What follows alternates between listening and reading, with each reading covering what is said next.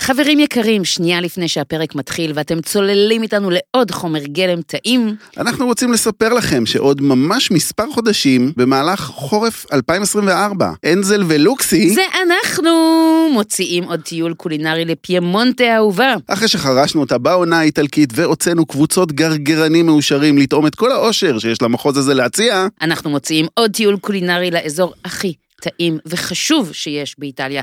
נאכל במסעדות משוגעות, נבקר אצל יצרנים קטנים, נצוד קמעין עם מרקו ונלמד להכין אוכל פיימונטזי מסורתי. עם רפאלה. רפאלה. ונקנח במסעדת משלן. בקיצור, תכינו את הקיבה, את שרירי הלסת, כי זה הולך להיות כיף גדול. תתחילו להתחתב מעכשיו. לפרטים נוספים, להרשמה, פנו אלינו ברשתות החברתיות, היא אפרת קו תחתי אנזל, אני אורן לוקסי, אתם כבר מכירים אותנו, או שפשוט תיכנסו לאתרים שלנו ותירשמו לרשימת התפוצה. ההסכת לדבר זה לא משמין, מוגש בשיתוף פעולה עם השותפים שלנו לדרך, קפה עילית, שיחד איתם אנחנו מביאים לכם מדי שבוע מחדש את התוכנית שלנו. אנחנו מתחילים.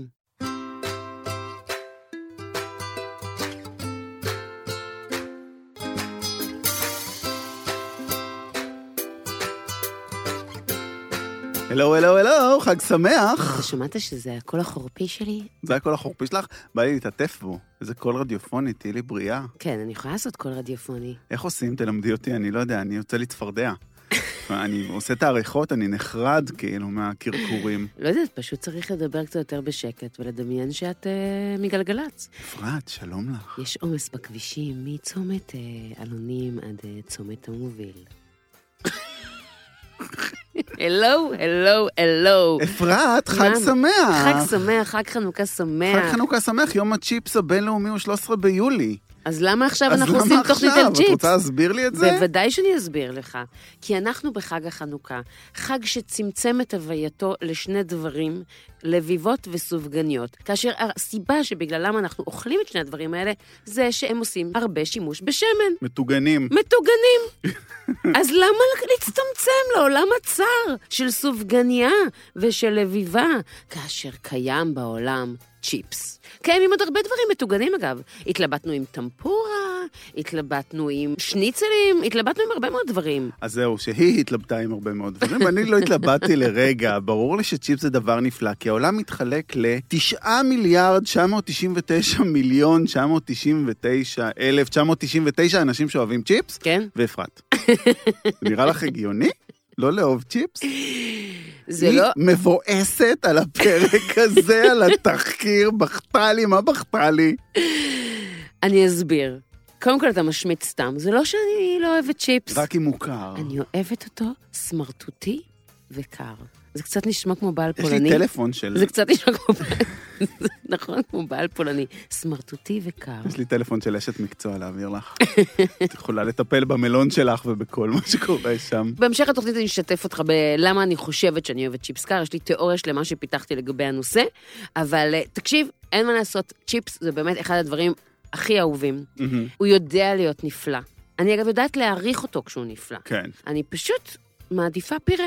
לא צריך אה, להבין אומנות כדי להעריך אותה. אני פשוט מעדיפה באמת, אני לא בן אדם שכל כך אוהב מטוגן באופן כללי, אוקיי? מהמם, הדבר הבולט באוכל מטוגן זה הקריספיות. מהמם. נכון? הרי טיגון טוב בא לידי ביטוי בקריספיות. לגמרי. הקראנצ'יות הזאת, אני פחות מתחברת. נגיד במשוואה שבין ריזוטו לארנצ'יני, מהמם. אני לגמרי בריזוטו. אני אחמיר ואגיד, בין פלאפל לקציצה אפויה, אני אעדיף את האפויה. אני לא אוהבת את הקריספ של הפלאפל. אני קצת מאוכזב ממך, אני אתעלם, אני מאוד מאוכזב ממך. בין צ'יפס לפירה אני מעדיפה פירה. למה אתה מאוכזב? פירה ממני? הוא נפלא, כן. אבל פירה הוא ג'ל, צ'יפס הוא קריספ. אין ערך יותר נפלא בפה שלך, כן. כי כל החושים מעורבים. הטיגון נותן טעם, את, ה, את הקרמול הנפלא הזה, הוא נותן את הפריחות שמתפצחת בחוש כן. המישוש, הוא נותן כן. את הרעש באוזניים, חוש השמיעה. וזו בדיוק הבעיה, הרעש שהוא עושה כשאוכלים את זה. אני, האוכל קריספי עושה רעש. גם תפוחים את לא אוהבת? תפוחים עושים הכי הרבה רעש, אני אוהבת תפוחים, אבל לא מטוגנים. אבל לא מטוגנים. טוב, טוב, בוא נתחיל אה, לא את התוכנית. מדברים עליי, לא, לא, אוקיי. לא, למה יצא שדיברנו עליי באמת כל כך הרבה? אז אה, חנוכה, חג שמח, אנחנו אומרים, אם כבר אתם, השמן שלכם חם, אל תתגנו בו רק סופגניות, בואו תתגנו קצת צ'יפס, כי צ'יפס בסופו של דבר הוא ירק ככה אמר משרד הבריאות האמריקאי באיזשהו שלב בחיים שלו. והנה חמישה דברים נוספים כן, שלא ידעתם על צ'יפס. בבקשה. חשבתם שצ'יפס עשוי מתפוח אדמה, שמן ומלח, אז חשבתם. הצ'יפס של מקדונלדס עשוי מלמעלה מ-20 מרכיבים שונים. זה כבר סיבה לא לאכול אותו.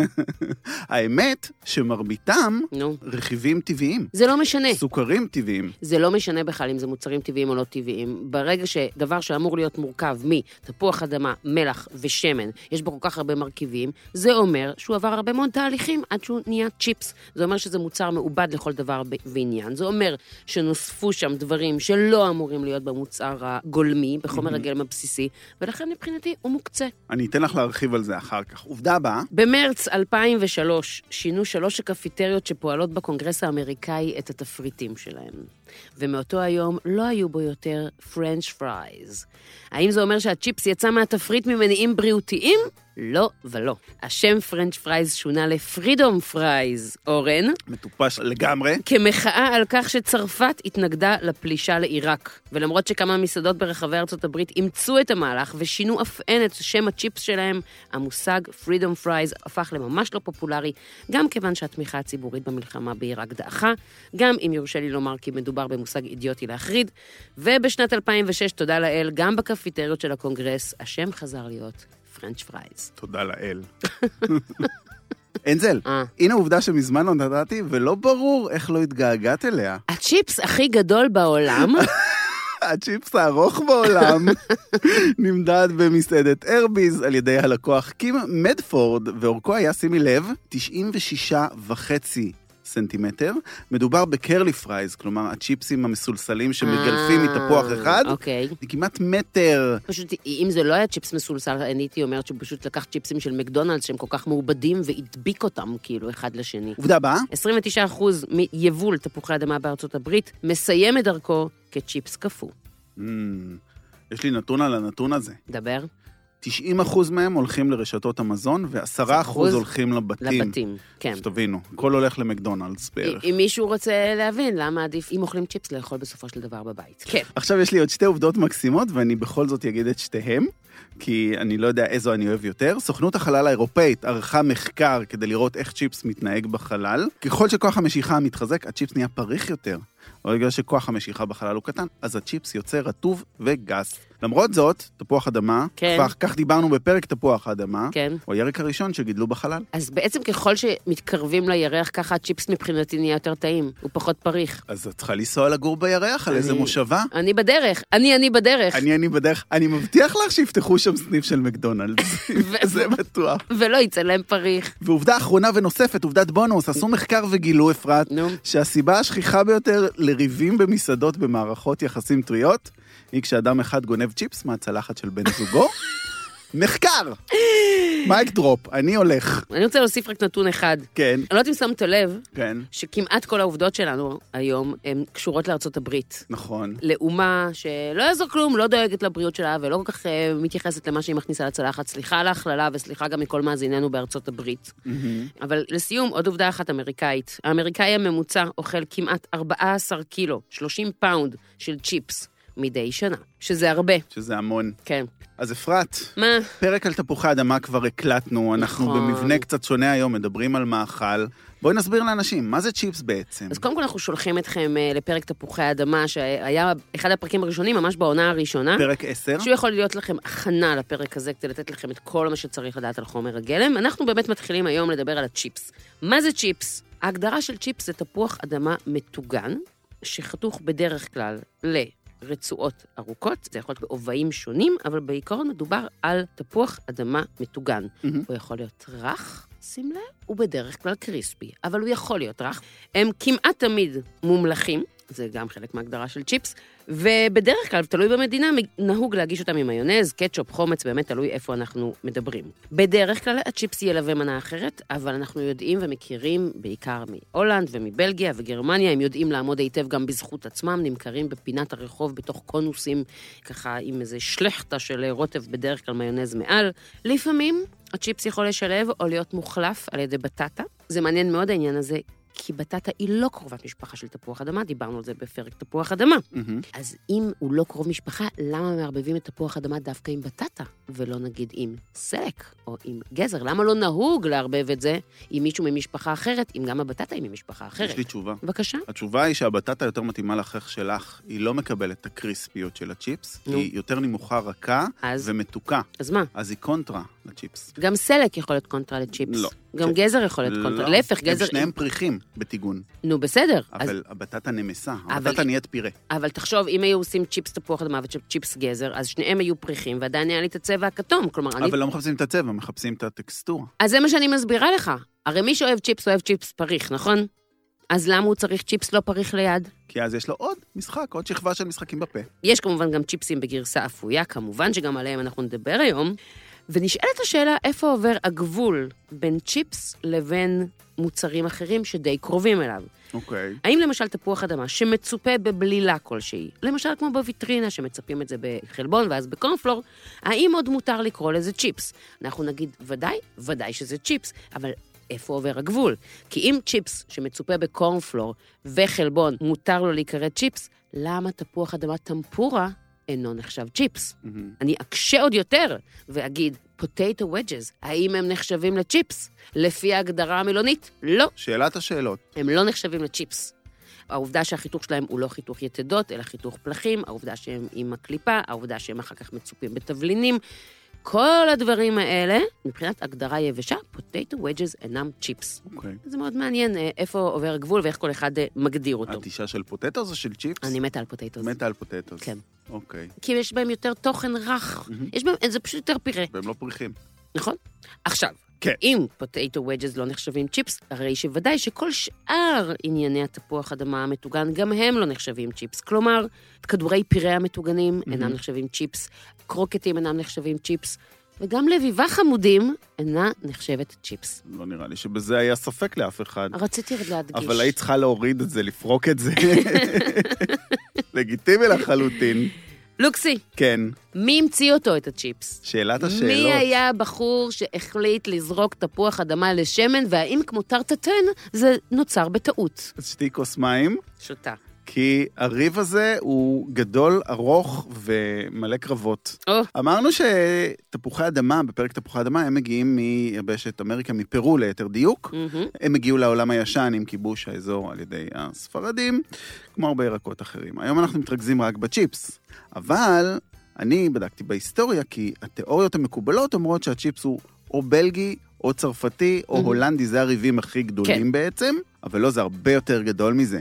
כי למרות הריב של האירופאים, בגלל שתפוח אדמה מגיע מאמריקה, וכמקום מוצאו של הירק, אחד התיעודים המוקדמים ביותר של צ'יפס נמצא דווקא באמריקה הלטינית. לא מפתיע. למעשה, אחד האזכורים הראשונים שלו הוא של סופר צ'יליאני, הוא בכלל כתב צבאי, כן. כתב צבאי, בשנת 1629, קוראים לו פרנסיסקו נוניאס דה פינדה. הוא כתב איזשהו ספר שנקרא גלות השמחה. כן. הוא כותב שם שנשים מקומיות אה, שלחו למבצר שהוא אכל בו ארוחת ערב עם שאר הלוחמים, תפוחי אדמה מטוגנים ותבשילים שונים אחרים.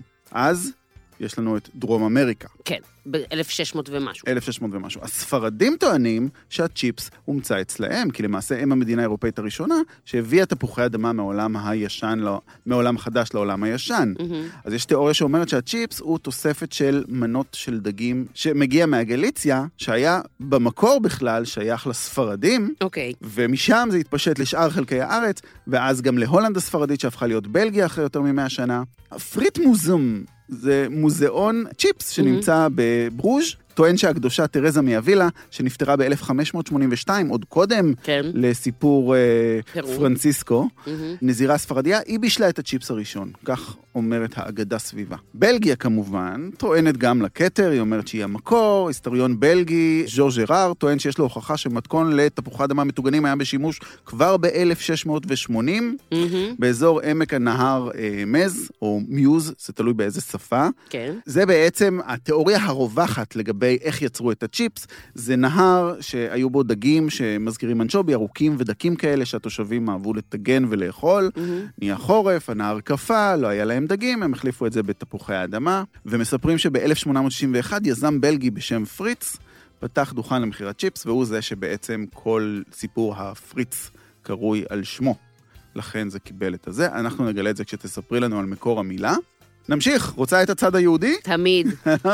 יהדות בריטניה, יש טענה שהם הביאו את הצ'יפס בעצם, הליטאים שהיגרו לבריטניה במאה ה-17, הפיש אנד צ'יפס האנגלי לטענתם, ואגב, גם לטענת היסטוריונים אחרים בריטים, מהמם.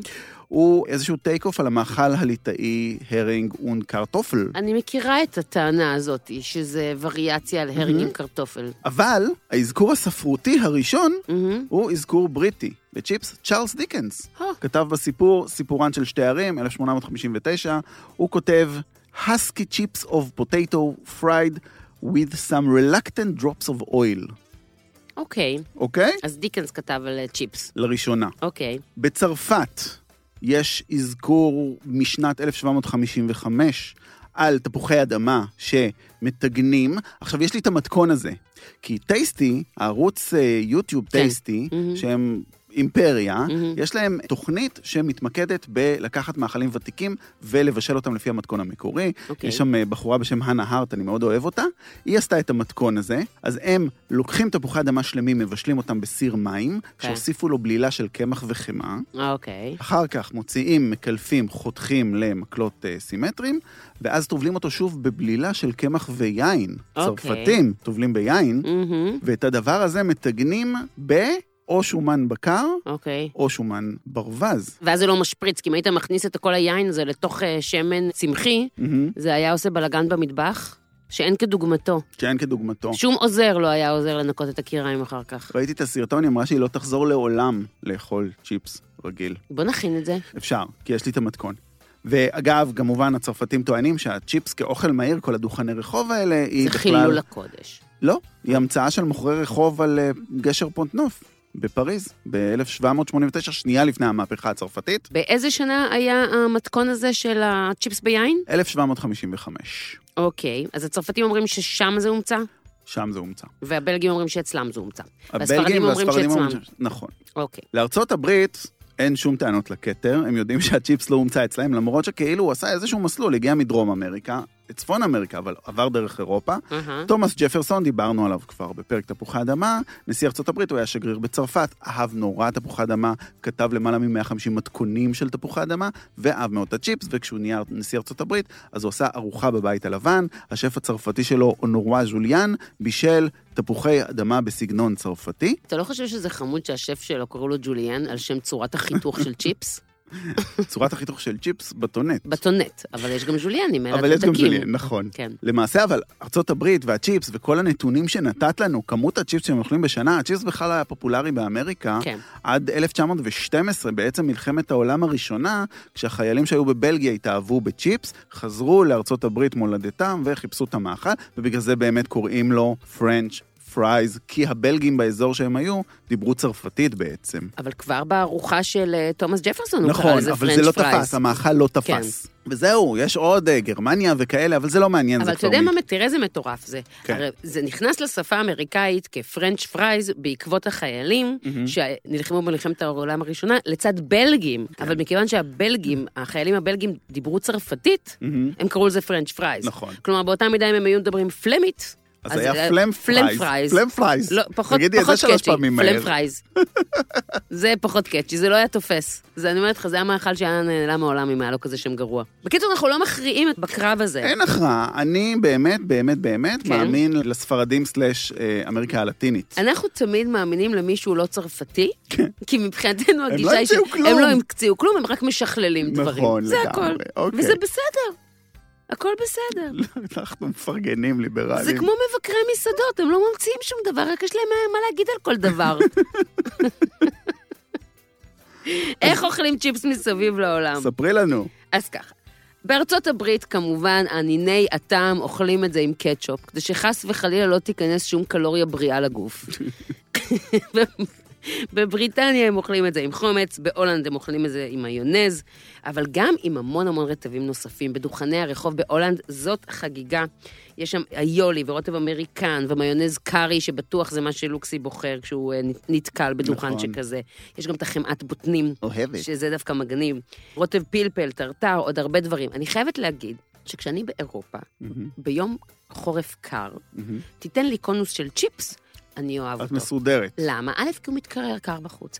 ב', זה מאכל בפני עצמו, הוא לא נלווה לשום דבר. וזה עניין של גם חוויית לקוח, לעמוד באמצע הרחוב עם קונוס ו- ולטבול רטבים, זה כיף. השיטה הבלגית לעשות את הצ'יפס, נו. בעיניי עושה את הצ'יפס הכי מוצלח. הרבה יותר מהשיטה האמריקאית או כל שיטה אחרת. אנחנו נגיע לשיטות בהמשך. כן. בגרמניה גם אוכלים את זה עם קטשופ, עם מיונז, גם כן פוגשים את זה בהרבה מאוד דוכני רחוב. הרבה פעמים לצד החברה הכי טובה של הפרנץ' פרייז שלהם, או הפריטן, או הפומס, כמו שהם קוראים לזה, נקניקיית הקארי, הקארי וורסט. נקניקייה שעליה יש רוטב מבוסס קטשופ ואבקת קארי עם צ'יפס ליד. טעים, מאוד. טעים. בספרד, שדיברת עליהם, יכולים לקרוא לזה פטטס פריטס, או פפס פריטס, או פטטס בראבס, שזה פשוט צ'יפס שחתוך לקוביות יותר גדולות, מהמם, שמבשלים אותן במים, ורק אז זה מטוגן. מהמם. אני מאוד אני מת, מחבבת את זה. אני אני מת על אני זה. ממש אוהבת פטטס בראבס. כן, זה הם כיף. בדרך כלל גם מגישים את זה לא עם קטשופ, אלא עם רוטב עגבניות חריף הומייד כזה. מהמם. אחד המאכלים הכי נפוצים בטאפס ברים.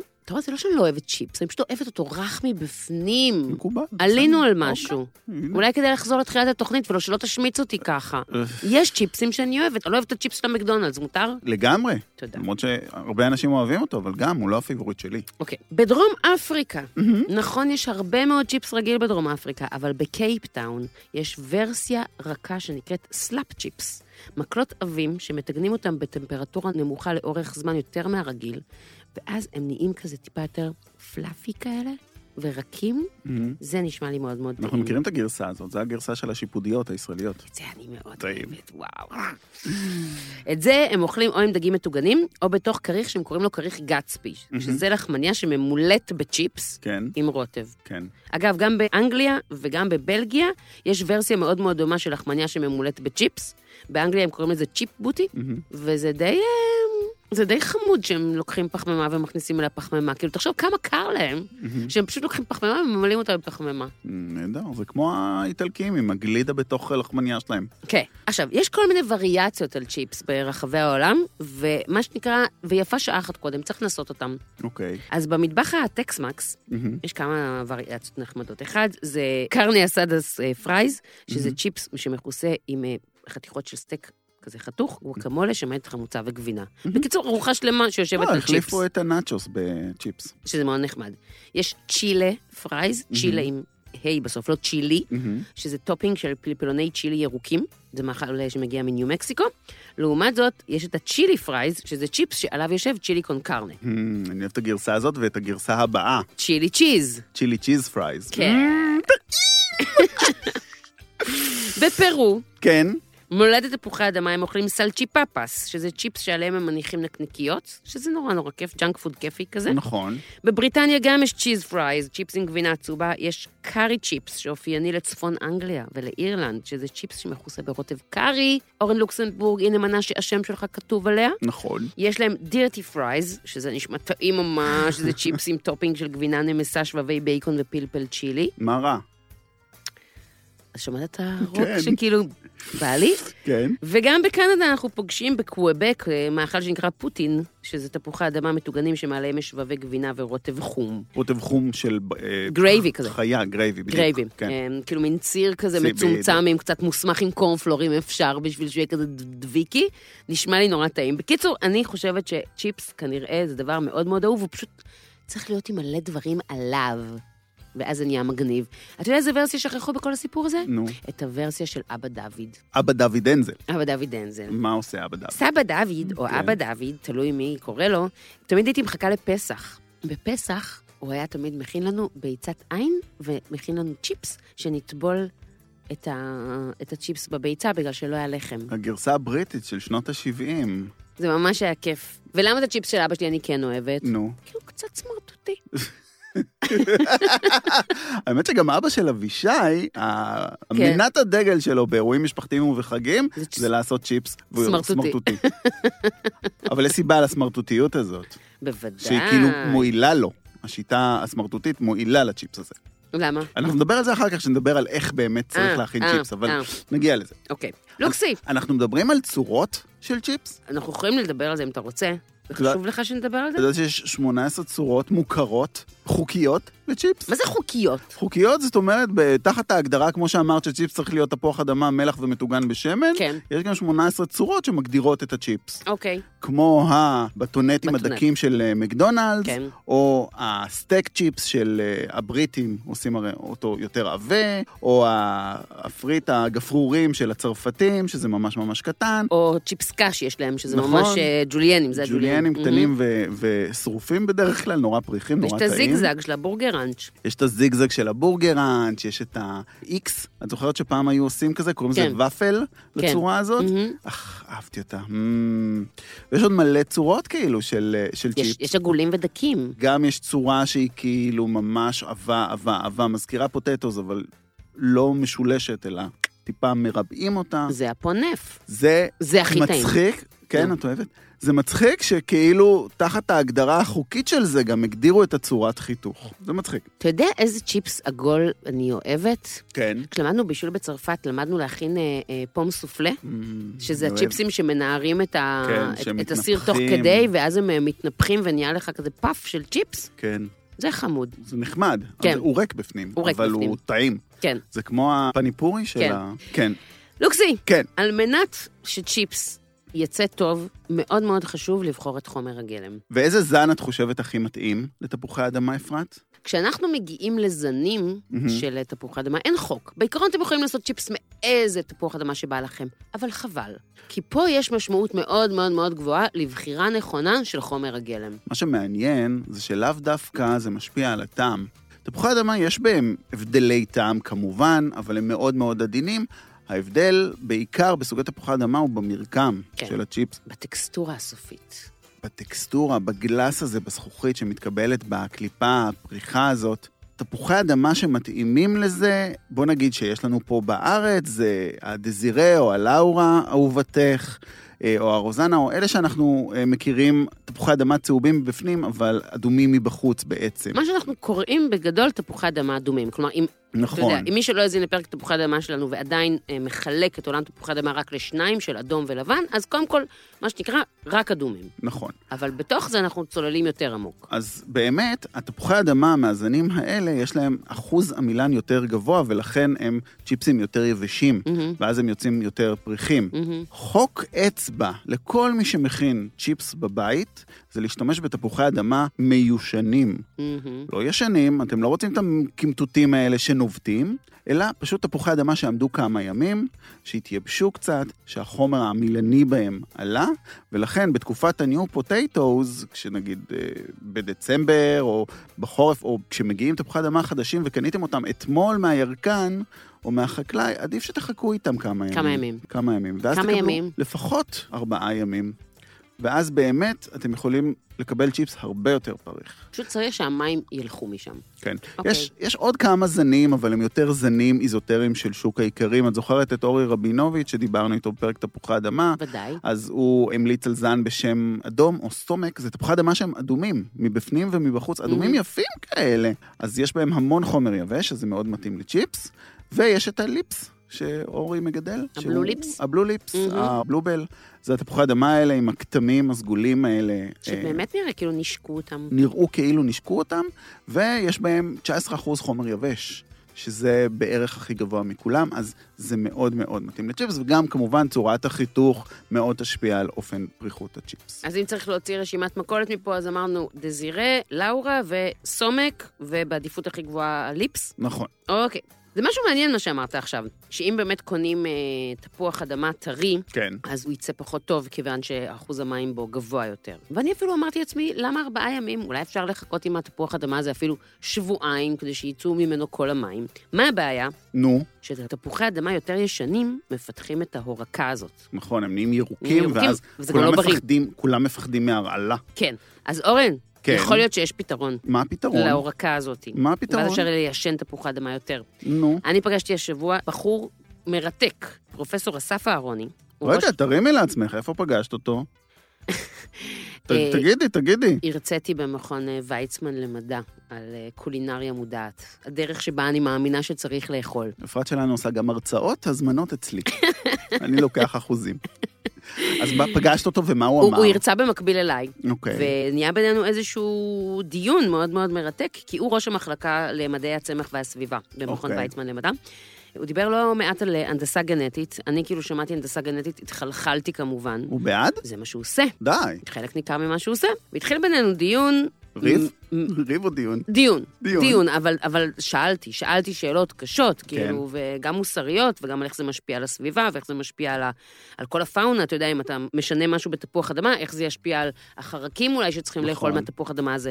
אתה יודע מה היה מדהים? מה היה מדהים? היה לו תשובות טובות להכל. פרופסור. כן, אוקיי. אוקיי. אבל אה, פרופסור, אתה יודע שהוא הוא לא איזה חברה מסחרית שמנסה לקדם משהו. כן. קיצור, זה היה מרתק, ואחד המחקרים שלו נו. מתעסק בעורקה של תפוחי אדמה. די. אז בוא נדבר איתו. בוא נדבר, בוא. בוא נתקשר.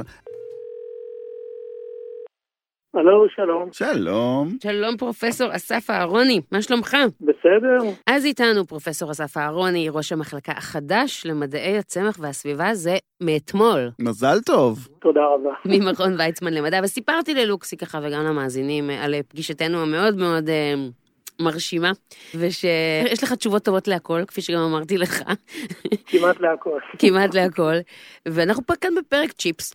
וצ'יפס מסתבר זה משהו שהרבה יותר טוב לעשות מתפוחי אדמה טיפה מיושנים, שריכוז המים בהם אה, פוחת. ואחת הבעיות, כאמור, זה ההורקה שלהם שהם אה, מוריקים. אז אמרתי ללוקסי שיש לך איזשהו מחקר, ואולי יום אחד זה ייפתר הסיפור הזה. איך פותרים את זה? בעיקרון, אה, רק רציתי להגיד שקודם כל הסיפור של ההורקה קשור גם לייצור של חומרים שהם אנטי-נוטרישנל בתפוח אדמה, הם הולכים ביחד. Mhm. אני מניח שאתם יודעים שכל פעם שיש אה, ספראוטינג יוצאים הצ'ופצ'יקים הקטנים על תפוח אדמה והתפוח מוריק.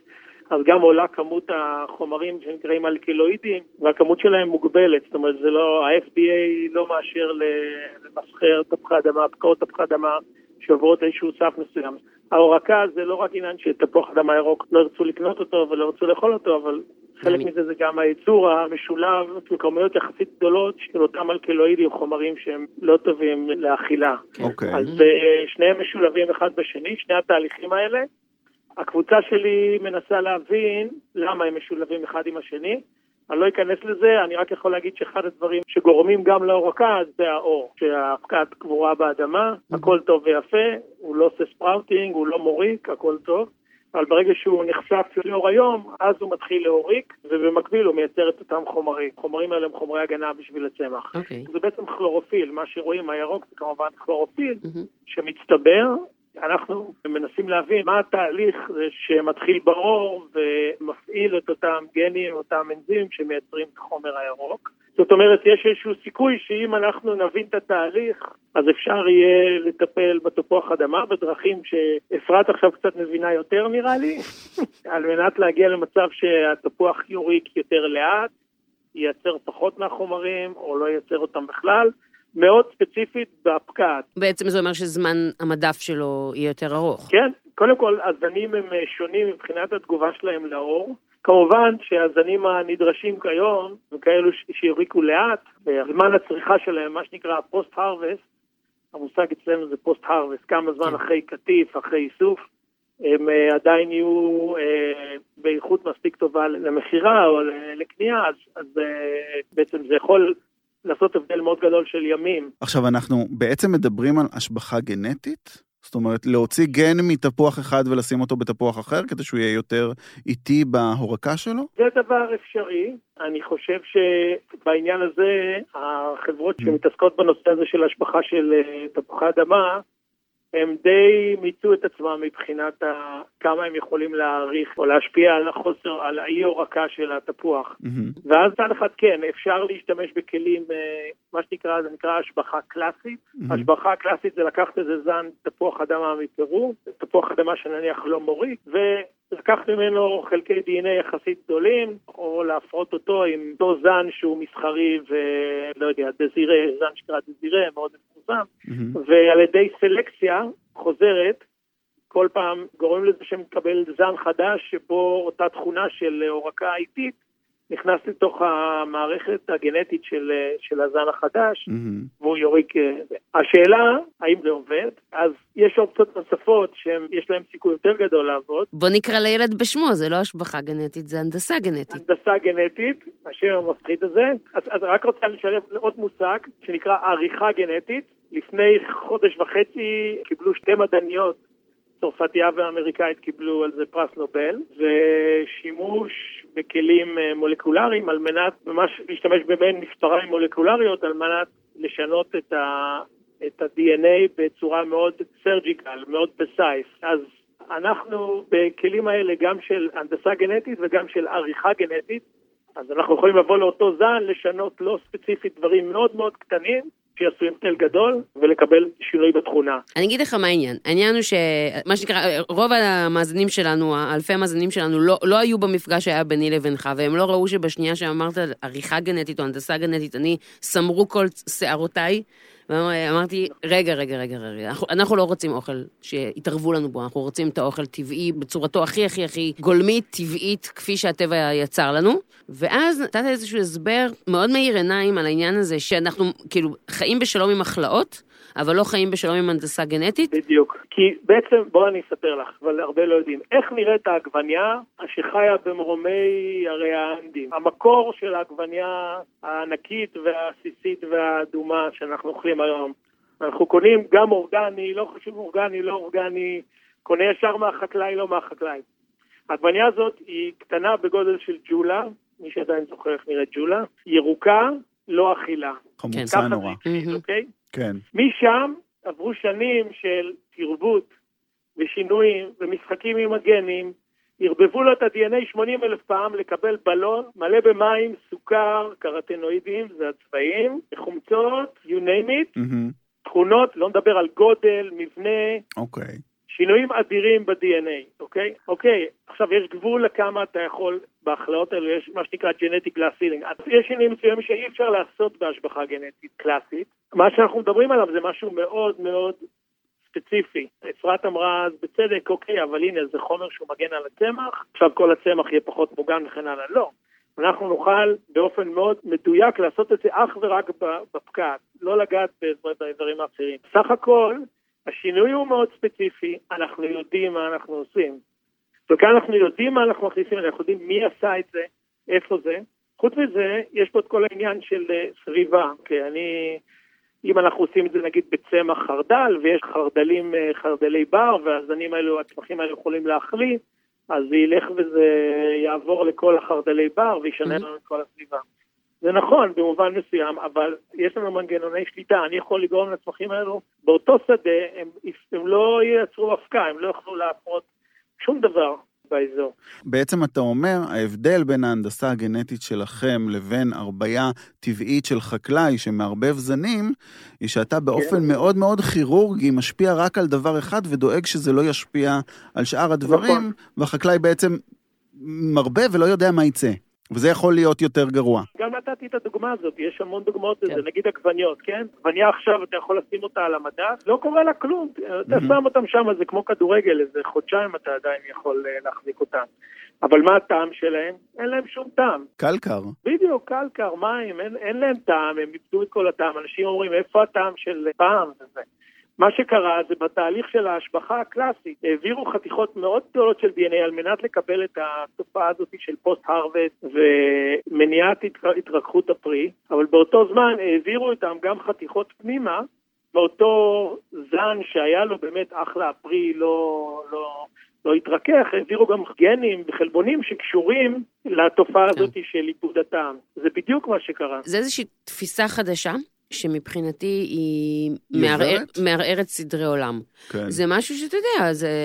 לאורך כל השנ- החיים אתה חושב על משהו, דבר מסוים, ופתאום נותנים לך זווית הסתכלות אחרת, שהיא נוגדת את כל הערכים הבסיסיים שלפיהם אה, אה, אה, אני חיה, של לאכול רק אוכל טבעי ורק טרי, וכפי שהטבע יצר, חזרה לזירי מורשת, אני רוצה להגדיל את המגוון מהמם. התזונתי, אה, לאכול כל דבר בעונתו, וכו' וכו' וכו'.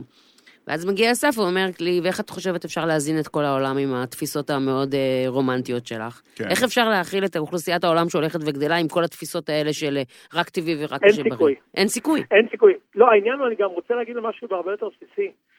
אין צמח שאנחנו אוכלים, והוא לא עבר, אין לו מוטציות, כמו שאנחנו, אנחנו קוראים, גם לבני אדם, כמו שאתם יודעים, יש כל הזמן קורות מוטציות, חלק מהמוטציות האלה הן לא נוראיות, גורמות לסרטנים וטבע שלא נדע, אבל גם הצמחים, הם כל הזמן, יש שם מה שנקרא מוטציות ספונטניות, הן קורות, ומזה מגיעים כל מיני זנים, נגיד העגבניות האלה, הקוקה קולה, כן. והעגבנייה הצהובה, זה הכל מוטציות שקרו באותם צמחים שיש בשטח, אז, אז זה גם לא משהו טבעי, זה משהו שעבר מוטציה. כן, אתה אומר, אנחנו עושים מוטציות מבוקרות פשוט. אני חייבת כן. להגיד, זה- גם לך, לוקסי, שאתה שואל אותי האם זה שינה את דעתי, אני, אני אומרת דבר אחד, אני רוצה להקשיב. אני רוצה, אני רוצה לשמוע, רוצה ללמוד. אני רוצה ללמוד. זה מה שאנחנו מבקשים. כרגע יש יותר מ-20 שנה של ניסיון של אכילה של צמחים מהונדסים, ואין שום עדויות לשום דבר. פרופסור אסף אהרוני, אה, תודה רבה. המון תודה. בבקשה. תודה, תודה. מרתק. אני אשמח מאוד לדבר אם תרצו. תודה, ביי. תודה. ביי, להתראות, ביי ביי. טוב, אני, התייבש לי הגרון, כן. זה הזמן, אפרת, להפסקת קפה. לך על זה. בפינתנו החדשה, קופי ניישן. Coffee Nation. אז כפי שהצגנו לכם בשבוע שעבר, מעכשיו ועד סוף העונה אנחנו מדברים עלינו, הישראלים, איך הפכה ישראל למעצמת קפה, אה, מה הטעם שאנחנו אוהבים, מה אנחנו שותים פה, איזה בתי קפה כיפים יש לנו כאן. כל דבר שקשור לתרבות הקפה ההולכת וצומחת ומתפוצצת פה בארץ, והכל בעזרת שותפים שלנו לדרך, קפה עילית, שעוזרים לנו להביא את התכנים שלנו אליכם כל שבוע מחדש. ותומכים לחלוטין בהתפתחות הזאת של אה, עולם הקפה הישראלי, ונותנים לו רוח גבית מאוד מאוד רצינית. בשבוע שעבר דיברנו עם שי בניאל, מנהל ההדרכה של עילית, על איזה טעמים הישראלים אוהבים. הגענו למסקנה, ישראלים אוהבים מר וחזק. נכון. אז שבוע שעבר דיברנו על המר, והיום אנחנו רוצים להתרכז במשהו שהוא לא הטעם, אלא באמת החוזקה של הקפה. למה אנחנו הישראלים אוהבים לשתות קפה חזק? בואו נתקשר. הלו, הלו, הלו. מה העניינים? אז שי, שבוע שעבר דיברנו על איזה טעמים הישראלים אוהבים, הגענו למסקנה, אנחנו אוהבים את המר ואת החזק. אכן, אז הסברת על המר, ועכשיו אנחנו רוצים להבין למה בעצם החזק. שאלה טובה. אתם יודעים, אפשר להיכנס לפסיכולוגיה, מהמם. ואפשר לדבר על תרבות אוכל של המדינה. אנחנו מדינה של ספייסי, נכון? נכון. כן. אז זה גם בקפה. זה, אנחנו רוצים להרגיש טעמים, רוצים להרגיש עוצמות, ואני עושה קפה די הרבה שנים, ותמיד תמיד אנשים חיפשו את הקיצוניות בקפה, חיפשו את- לא את המיינסטרים, יש את המיינסטרים הישראלי, אבל אם נשווה את זה אחר כך כשיצאתי לאירופה ו- ובארצות הברית, ובמקומות שהסתובבתי בהם, אנחנו תמיד היינו ב... על האדג', ב- Mhm. אתם יודעים, שמה, בפינה, הכי למעלה. ואתה חושב שזה בא באמת מעניין שאנחנו רגילים לטעמים עזים ולאוכל חריף, או שזה בא מגבר-גבר, אני שותה קפה חזק? אמ, מעניין. א', אני מאוד מחובר לצד הנשי שלי. אני חייב לציין שזה גם נשים. אז אה, גברת גברת גם, זה לא רק גבר גבר. אוקיי. כולנו. אני מעלה השערות, אולי זה נובע מהתפיסה הישראלית של אה, שלא ידפקו אותי, שישימו לי הרבה קפה כן, בתוך שישימו הכוס. הרבה קפה בכוס, שישימו הרבה טעם, דפקו אותי בטעם. אתם יודעים מה? לא חשבתי על זה, אין מצב באופציה. לא, אבל אה, תקשיבו, זה גם בבית, או בצבא. אנחנו עשינו לעצמנו, וכשעשינו לעצמנו תמיד זה היה מלא טעמים. דוגמה, אני חושב על, ה- על שחר, נגיד הבן שלי, כן. אז כשהוא כאילו עושה אוכל, ואז הוא לא ממליח, הוא מפרק את המלחייה ושופך. כאילו, הוא עושה, אם זה לא כזה מלוח, אין לזה טעם. אז אני חייב להגיד כן. שבאמת... הרי עילית הוציאו עכשיו קפסולה 15, נכון? שהיא כאילו, היה עד 12, ועכשיו הם הוציאו טעם שהוא ממש הרבה יותר חזק בעצם, נכון? כן, וזכרנו ל-13, ואמרנו, וואו, בוא נלך ל-14, ואז אמרנו, אתה יודע מה? "תראו, 15. 15, וואו. עכשיו, מה שמצחיק, בכל פעם, כשאני עם ציון, אומר לו, ציון, כאילו, אין מצב שיקנו את הדבר הזה. אין מצב, אין מצב, ואז כאילו, זה הבסט סלר, אנשים עפים על זה, נראה לי יש 16 ו-17 בדרך. וואי, וואי, אני אומרת וואי. לך, זה מבחני אומץ, אנשים עושים מבחני אומץ. לא, אבל אני חושב על עצמי שאני בא לקנות קפסולות ויש את המספרים, אני תמיד אלך על המספרים הגבוהים. אני רוצה להרגיש את הטעם, אני הישראלי המצוי. אני עשר, את עשר. עשר, אחת עשרה גג, כן. כאילו, אני רוצה להגיד שבזה אני לא בטוח. יש גם מסתובב שאוהבים את השש ואת השבע ואת ה... את השמונה. אני כן אגיד שיש פה, ב- בקטע הזה, שבפסיכולוגיה, אנשים תמיד מחפשים את הבינוני. אמ, אספר לך פעם סיפור שאנחנו היינו מוכרים ברשת אצלנו כוס 6, 8 ו-12, והבסט סלר היה 8. ואז אמרנו, בוא נעשה 8, 12 ו-14. ועל פניו אתה אומר, למה שלא ה-8 ימשיך להיות הבסט סלר? ו-12 הפך להיות הבסט סלר. זה כן. כמו שאנשים תמיד מזמינים את היין השני הכי זול בתפריט. כן, אבל להזמין אותה הכי זול. נכון, אני תמיד את הכי זול. מה אני מבין? יאללה, שיהיה. שיהיה מצ'רנוביל וסגרנו את העניין. שי בניאל, מנהל ההדרכה של קפה עילית, תודה רבה שישעת אותנו ונתת לנו גם ידע. תודה רבה, אני בעיקר קיבלתי מכם הפעם. אבל חפרנו לו. תודה, שי. ביי. ביי.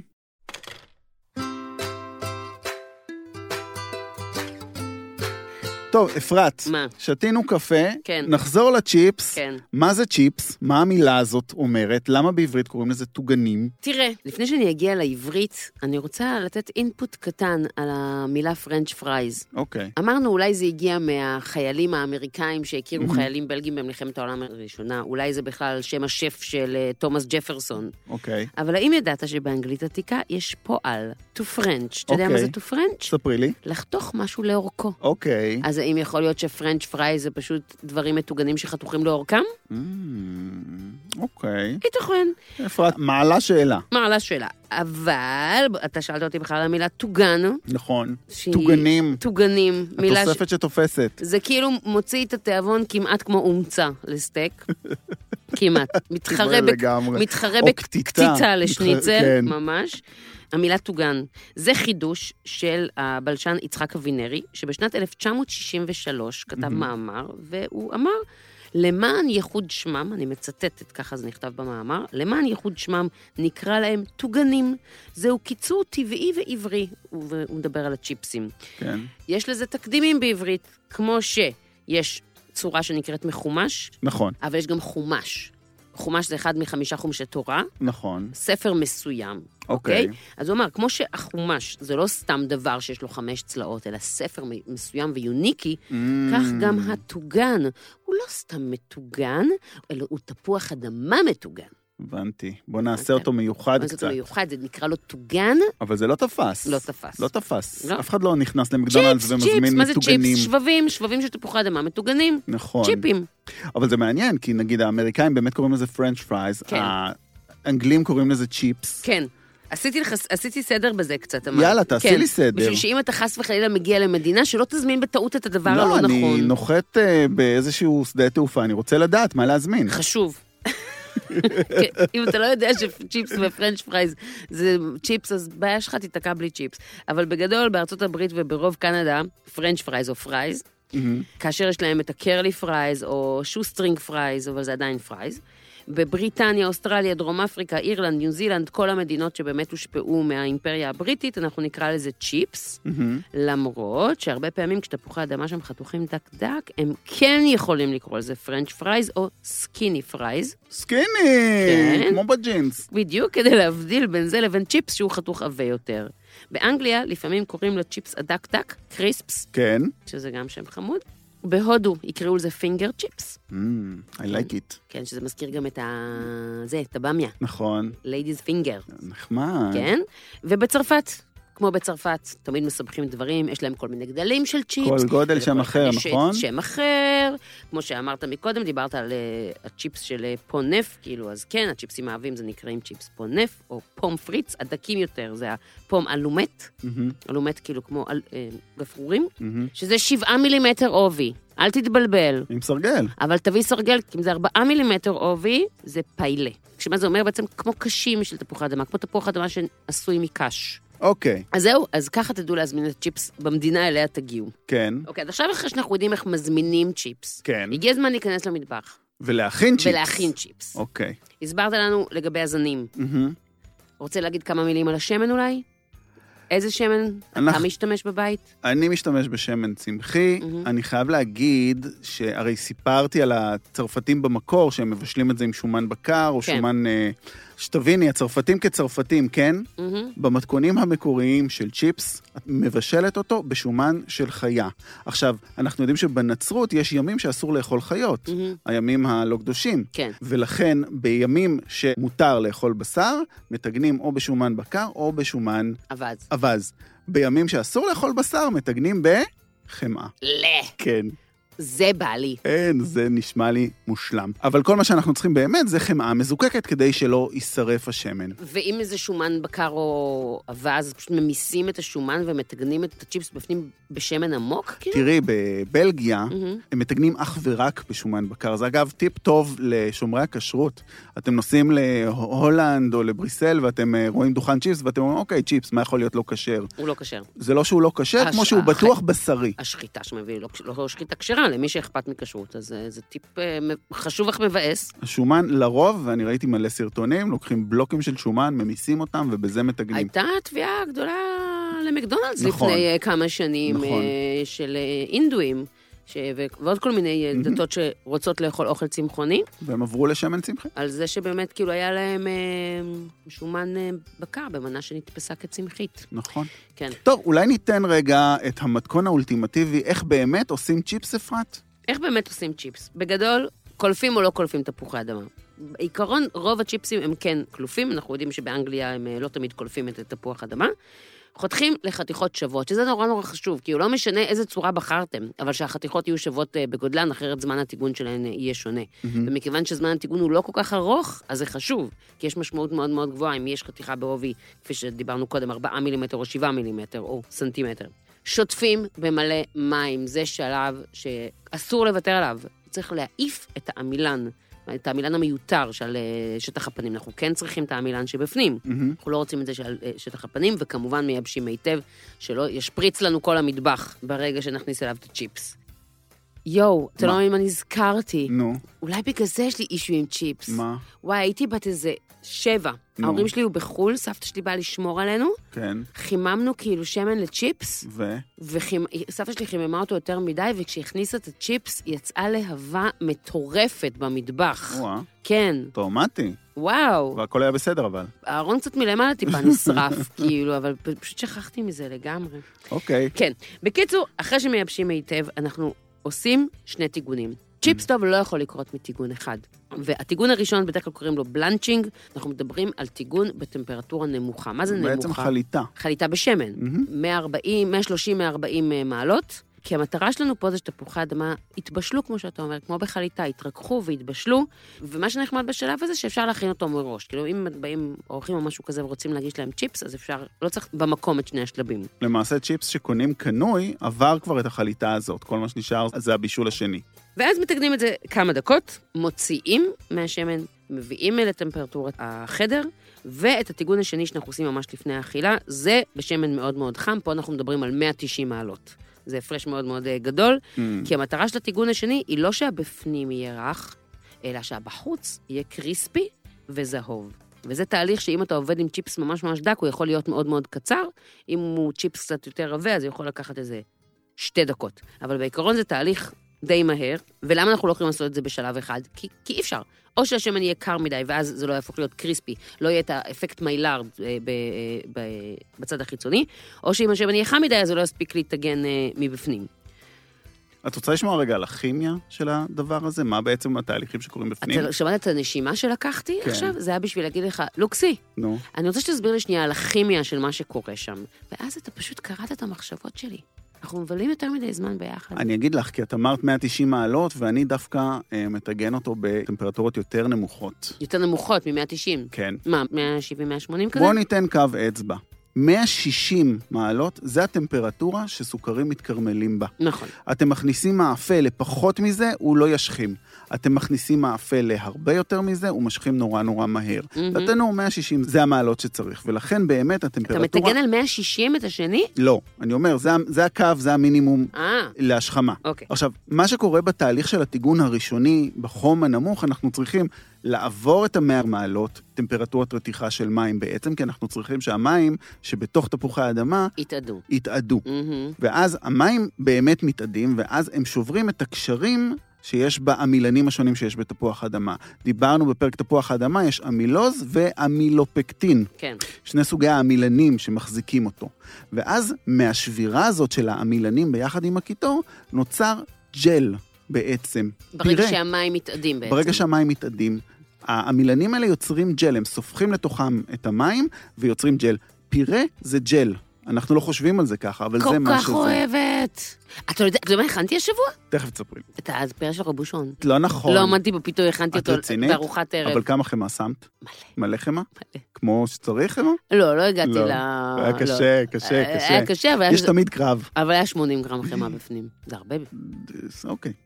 זה- המתכון אומר 250. לא, מה פתאום? כמה שמנו אז בסדנה? 250. לא שמנו בסדנה 250. שמנו 250.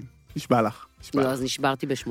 זה יצא טעים לא פחות. עם מלא- עם מלא חלב גם חם. כן, כן. לא משנה, סליחה. טוב, כן. אז בעצם נוצר לנו סוג של ג'ל בתוך תפוח האדמה. מהמם. עכשיו, הלחות הזאת, שהיא בתוך תפוח האדמה, היא מתחילה לצאת כקיטור החוצה, היא הולכת לכיוון השוליים של התפוח אדמה. והיא אוספת איתה בדרך את כל החומרים המומסים שיש בתוך התפוח אדמה שהם לא עמילניים. מהמם. גם עמילן, גם את הג'ל הזה, אבל גם סוכרים, חלבונים, והכל מגיע לדפנות הצ'יפס שלנו, ובעצם המים מתאדים והכל נתקע על הדפנות האלה. אז זה התהליך הראשוני הזה, שאנחנו עושים בעצם רק כדי להדות את המים ולהפוך את הפנים של תפוח האדמה לג'ל, לרכך אותו בעצם. עכשיו, השכבה הזאת של העמילן הג'לטיני ביחד עם הסוכרים שנמצאים בקליפה החיצונית של הצ'יפס שלנו, הופכים לפריחים אחרי שאנחנו מעלים את הטמפרטורות מהמם. למעל 160 בעצם. מתחיל אה, באמת תהליך המייר הקרמול. וכל הקרמול הזה. אני אוהב את הטמפרטורה של 175 מעלות. אוקיי, זה גם הטמפרטורה של הבלגים, זה הטמפרטורה כאילו של הצ'יפס הבלגי אוקיי. או ההולנדי. זו טמפרטורה שהיא יחסית בסקאלה הנמוכה מהמם. של ההשכמה, ובאמת הצ'יפסים האלה הם בהירים, הם לא שחומים, נכון. הם זהובים ונורא כן. נורא יפים, ובאמת החומצות אמינו והגלוקוז, הכל שם מתקרמל, ואנחנו מקבלים את הטעם ואת הפריחות. עכשיו העניין הוא שלרוב האנשים בבית אין מדחום במטבח, ואנחנו נכון. נכון. זורקים להם אה, 130, 140, וזורקים להם אה, 175 או 190, ואיך איך אפשר לדעת? אז הדרך הנכונה היא לקחת אה, איזשהו עשב טיבול, משהו מאוד מאוד אה, עדין, פטרוזיליה נגיד, פטרוזיליה למשל, תמיד עדיף כוסברה, אם אוקיי, אפשר. אה, אם אפשר. אם אפשר, ופשוט אה, זורקים את זה לתוך השמן. ואז אם לוקח איזה שנייה-שתיים, ואז מסביב לעלי הפטרוזיליה יש בועיות מאוד מאוד עדינות, אתם על הטמפרטורה הנכונה הנמוכה. אם אבל איך שאתם מכניסים את העלה פנימה, הוא מתחיל ככה לרקוד ומתחיל כזה אה, קולות ומתחיל לגעוש סביבו, אז אנחנו בחום אה, גבוה. וכן חשוב להגיד שזה בסדר גמור גם לעבוד עם ה... אתה יודע, עם ה... להוריד, עם הידית, להגביר להוריד, ו- להגביר, כדי באמת להגיע לטמפרטורה הנכונה. כלומר, אם השמן יתחמם יותר מדי, בסדר, אז בואו נוריד שנייה, נחכה שנייה וזה. כמה טיפים אבל מאוד מאוד חשובים. ברגע שמוציאים את הצ'יפס, מעבירים את זה אה, לנייר סופג, אם אנחנו רוצים להמליח, אז פשוט לעשות את זה בתוך קערה גדולה. לשים מלח ולהקפיץ אותם בתוך המלח, ולא, כדי שהם יהיו עטופים במלח מכל הכיוונים שלהם. מהמם. נורא מעצבן שחלק מהצ'יפס מומלח וחלק לא.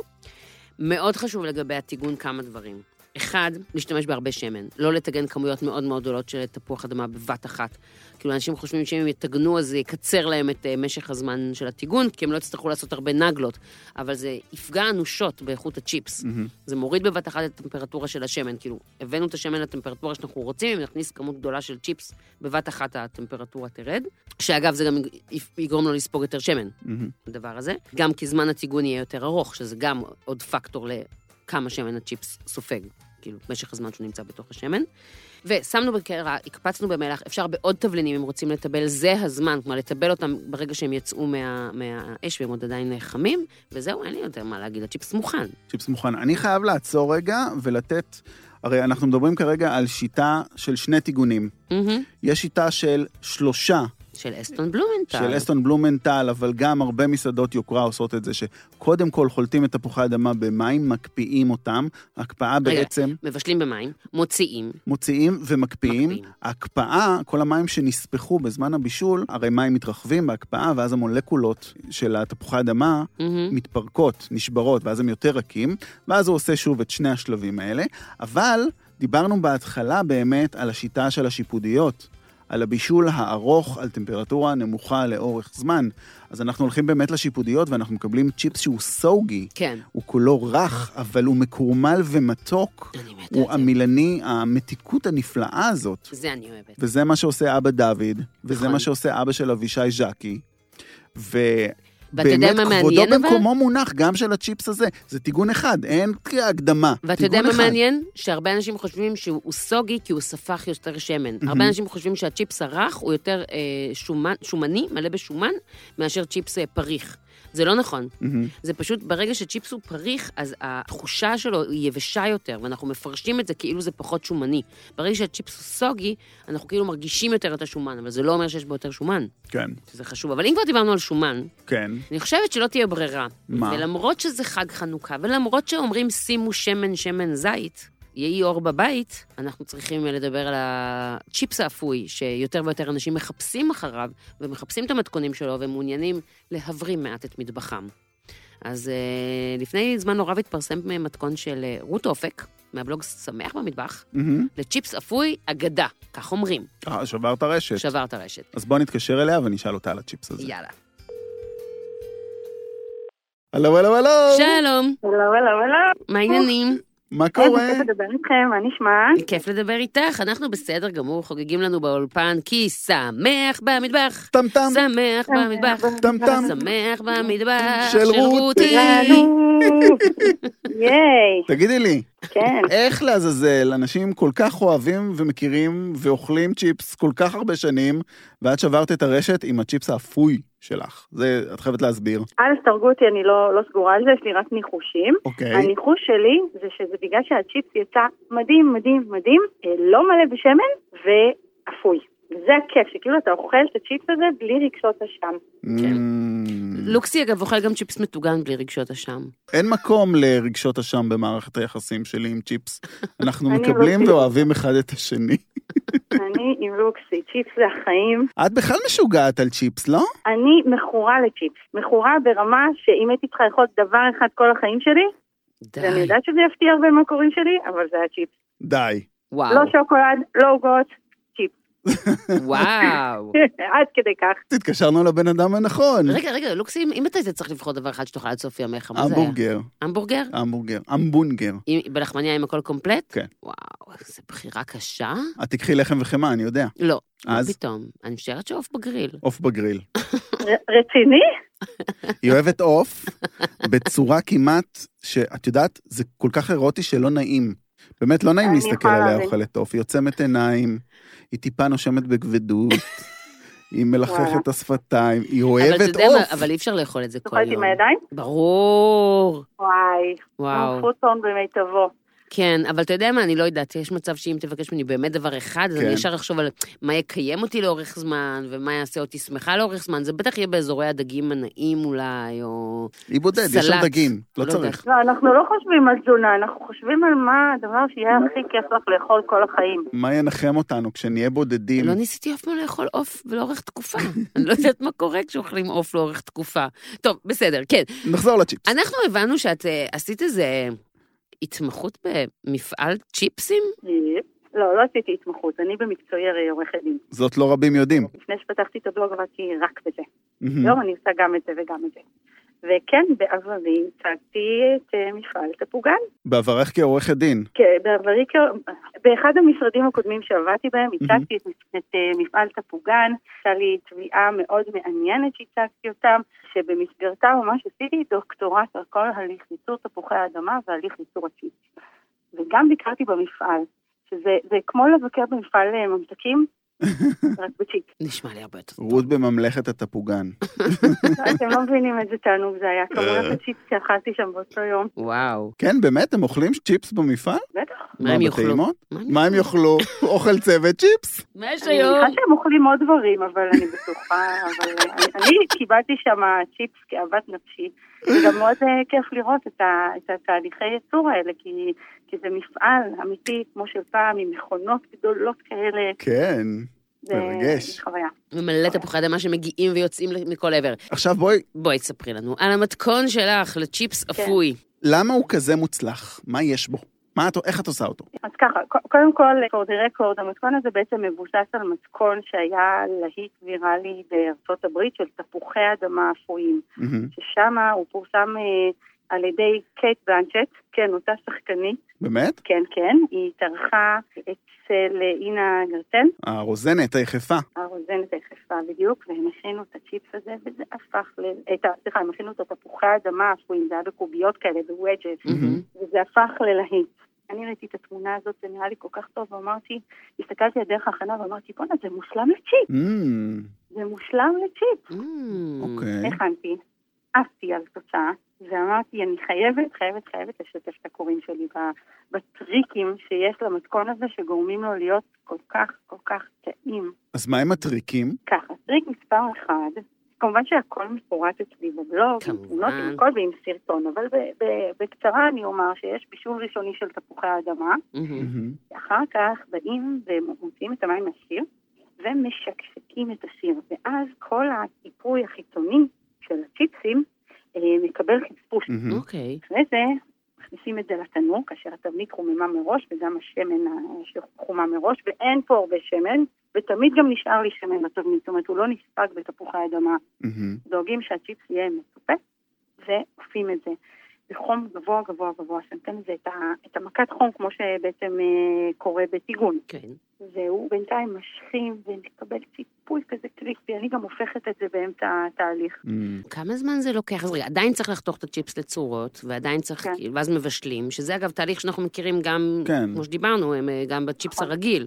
ואז ה- נכון. ה- ה- זה, הניעור הזה שזה הייבוש, שאנחנו יודעים שזה חשוב, עד כאן הכל הגיוני, פשוט בעצם נכון. ההבדל מצ'יפס מטוגן זה הטמפרטורה הגבוהה ו- והחימום של השמן. והחימום של השמן. אני עושה תפוחי אדמה צלויים, פחות או יותר באותה שיטה, אבל בלי בישול מקדים. מהמם. כמה זמן לוקח להם בתנור עד שהם נהיים צ'יפסים? זה היה משהו בין, אה, זה היה בסביבות החצי שעה, אם Mm. אני לא טועה. אוקיי. אבל, אה, אבל זה גם בגלל שהכנתי אותם גדולים יחסית, אם עושים אותם יותר דקים, אז זה ייקח פחות זמן. כן. אבל זה פשוט, זה, זה שווה את זה, כי הצ'יפ הכי טוב שיצא לי להכין שהוא לא, אה, שהוא לא מטוגן. אני חושבת שאני לגמרי הולכת לנסות להכין את זה. ותפוח האדמה האהוב עלייך? האמת, כן. ואל תצחקו עליי, למרות כל הדוקטורט שעשיתי, אני כמעט כל תפוח אדמה שאני מוצאת. זאת אומרת, זה יכול להיות עם קליפה אדומה, זה יכול להיות עם קליפה לבנה. יש אה, מותגים שרושמים גם למה מיועד התפוח אדמה, שזה בהחלט מקל, אבל תכל'ס זה הצליח לי בכל סוג. אוקיי. וגם הסגולים נורא חמודים, כן. אשכרה. למרות שבתנור הם יוצאים קצת פחות טוב לדעתי. זה שזה עובד בכל סוג- סוג זה כבר אני מחבבת. כן. בתור אחת שמזמינה ירקות אורגניים, אני מזמינה תפוחי אדמה, אני לא תמיד יודעת מה יגיע כן. לי. אז אה, יפה, זה נחמד מאוד שאפשר אה, על כל סוג. טוב, אה, רות אופק, אנחנו אה, ניכנס למטבח עם המתכון הזה. לוקסי, לא תהיה ברירה. המון תודה. תודה לכם ובתיאבון. תודה רבה אה. רבה. ביי. להתראות, ביי. ביי.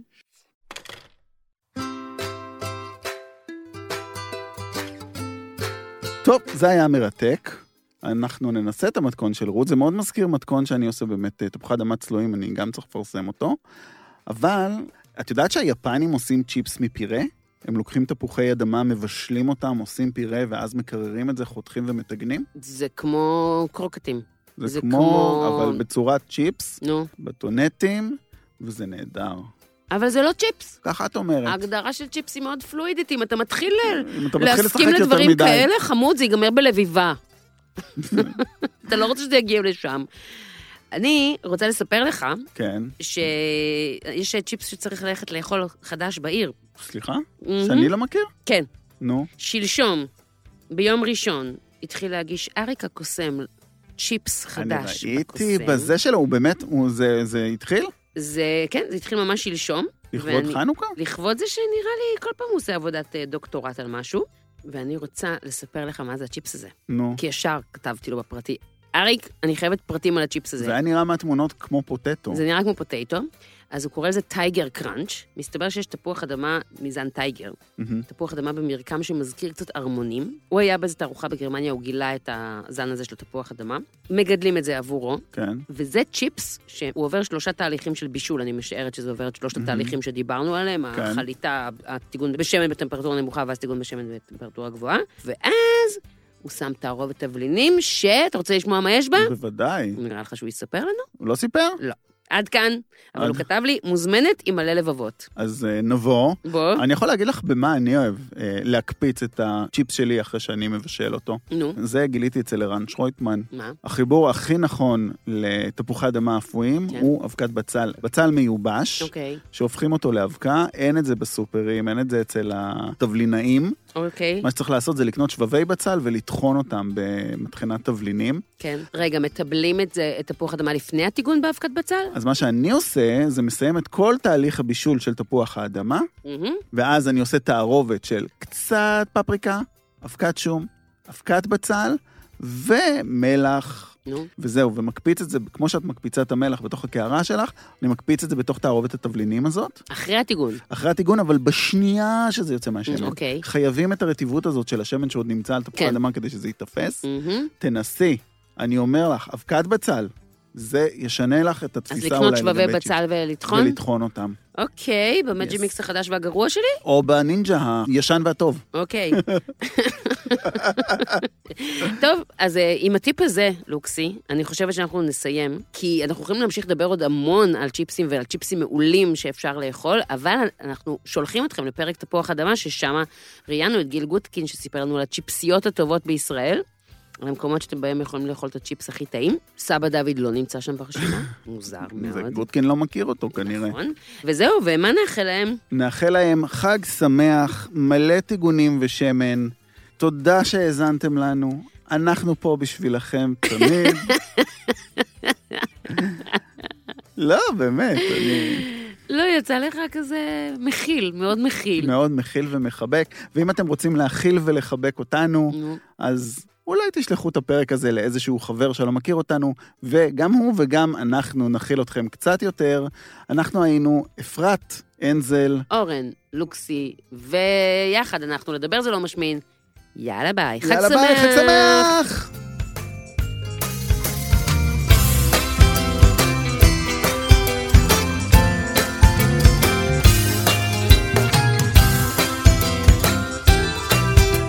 חנוכה, חנוכה, חג יפה כל כך. טמטם, אור חביב מסביב. אה, באמת? זה אור יהיה חביב? רע. את יודעת את המילים?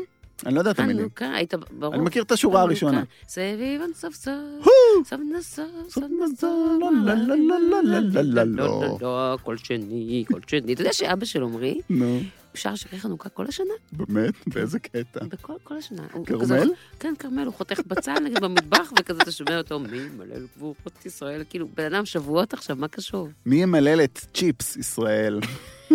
היי הצ'יפס, היי הצ'יפס, איזה לילה מסביב, הלו הבמה, יש סבתא, לא את המילים. אני משאיר את זה כן. בתור אה, איסטר אג. זה יהיה, ייגמר הפרק, תיגמר המוזיקה, ויהיה שקט של חמש שניות, ואז רק יהיה מי- כל הקשקושייה הזאת רק לבאמת המאזינים הבאמת שלא- אדוקים שלנו. שלא יודעים איפה לוחצים על שלא הסטופ. יודעים איך עוצרים, או שהידיים שלהם בסוכות כרגע, כי הם מוציאים את הצ'יפס מהשמן, ואז הם שומעים את הקשקושים האלה. חברים, תודה שהקשבתם לנו באמת. יאללה, ביי.